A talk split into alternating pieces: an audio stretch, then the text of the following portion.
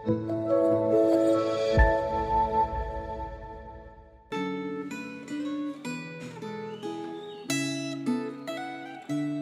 saudara-saudara yang kasih oleh Tuhan, bersyukur untuk berkat Tuhan yang selalu menyertai kita setiap hari, sehingga hari ini kita diberikan kesempatan untuk merenungkan sebagian dari firman Tuhan. Sebelum kita merenungkan sebagian firman Tuhan, mari kita siapkan hati dan pikiran kita. Mari kita berdoa. Tuhan, terima kasih atas berkat pada hari ini, sehingga hari ini kami kembali diberikan kesempatan untuk merenungkan sebagian dari firman-Mu.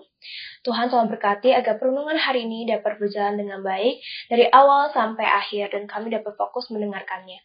Semuanya kami serahkan dalam tangan-Mu, Engkau yang berkati. Di dalam nama Tuhan Yesus kami telah berdoa. Amin.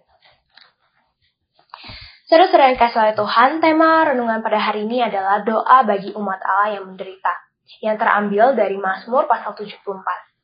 Saya akan membacakan beberapa ayat pokok, tetapi saya juga menghimbau saudara-saudara sekalian dapat membaca Mazmur pasal 74 tersebut secara keseluruhan, secara pribadi. Mazmur pasal 74 ayat 1 sampai 3 berikut bunyinya. Nyanyian ratapan karena bait suci yang rusak. Nyanyian pengajaran Asaf. Mengapa ya Allah kau buang kami untuk seterusnya? Mengapa menyala murkamu terhadap kambing domba gembalaanmu? Ingatlah akan umatmu yang telah kau peroleh pada zaman purbakala, yang kau tebus menjadi bangsa milikmu sendiri. Ingatlah akan gunung Sion yang engkau diami. Ringankanlah langkahmu ke tempat yang rusak terus-menerus. Segala-galanya telah dimusnahkan musuh di tempat kudus. Pada bacaan hari ini yaitu Mazmur pasal 74 merupakan pasal yang berisikan permohonan kepada Tuhan agar nantinya Tuhan tuh menolong umat-umatnya yang sedang menderita akibat serangan tentara Babel dan yang telah menghancurkan kota Yerusalem. Pada saat itu, Asaf sebagai penulis Mazmur merasa bahwa tidak ada tanda-tanda bahwa Tuhan akan memberitakan firman-Nya melalui utusan para nabi.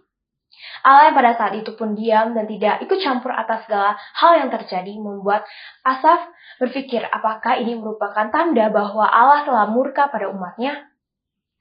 Allah yang pada saat itu pun diam, itu pun juga membuat Asaf bertanya, mengapa Tuhan membiarkan umatnya itu menderita? Tetapi di satu sisi, Asaf juga berpikir dan percaya bahwa Tuhan memiliki rencana dan kekuasaannya tidak akan berubah. Sehingga makanya Asaf pun terus setia untuk meminta pertolongan Tuhan agar nantinya Tuhan akan menolong para umatnya dan menolong untuk memperkuat Asaf dan umat-umatnya itu tidak memiliki uh, kehilangan iman kepada Tuhan. Saudara-saudara yang terkasih dalam Tuhan, seperti yang kita tahu, umat-umat Tuhan banyak mengalami penderitaan pada masa lampau, pada masa sampai saat sekarang juga. Dan hal ini pun terus berjalan sepanjang sejarah. Seperti contohnya masih banyak orang-orang Kristen yang mengalami penderitaan seperti dianiaya, ditindas, dikucilkan, dan masih banyak lainnya. Tidak hanya itu, juga banyak gereja-gereja di berbagai tempat yang terkena penolakan, lalu pun ditutup secara paksa, dan masih banyak lainnya. Perlu diingat bahwa sebagai orang Kristen, kehidupan kita tidak akan selalu berada di atas. Tetapi ketika apa pun situasi yang terjadi dalam kehidupan kita, kita harus percaya dan berpegang teguh kepada Tuhan bahwa Tuhan pasti akan menolong kita dalam situasi apa pun. Dan kita juga mungkin dalam kehidupan kita ketika banyak permasalahan yang terjadi, kita akan sulit untuk mengingat kebaikan Tuhan yang sudah terjadi dalam kehidupan, kita. Tetapi kita akan berpikir, mengapa Tuhan membiarkan hal ini terjadi? Terlepas dari hal itu, percayalah bahwa setiap ada ratapan, pasti ada pengharapan baru dari Tuhan yang datang ke dalam kehidupan kita. Maka dari itu, teruslah setia untuk um, berpegang teguh kepada Tuhan dan terus juga setia mendoakan saudara-saudara seiman kita yang mengalami penderitaan kepada Tuhan. Dan uh, saudara-saudara terkasih, kita harus percaya bahwa Tuhan sanggup mampu untuk menolong kita sesuai waktu dan kehendaknya. Tuhan memberkati, mari kita berdoa. Tuhan, terima kasih atas perenungan hari ini, sehingga perenungan hari ini dapat berjalan dengan baik dari awal sampai akhir ini.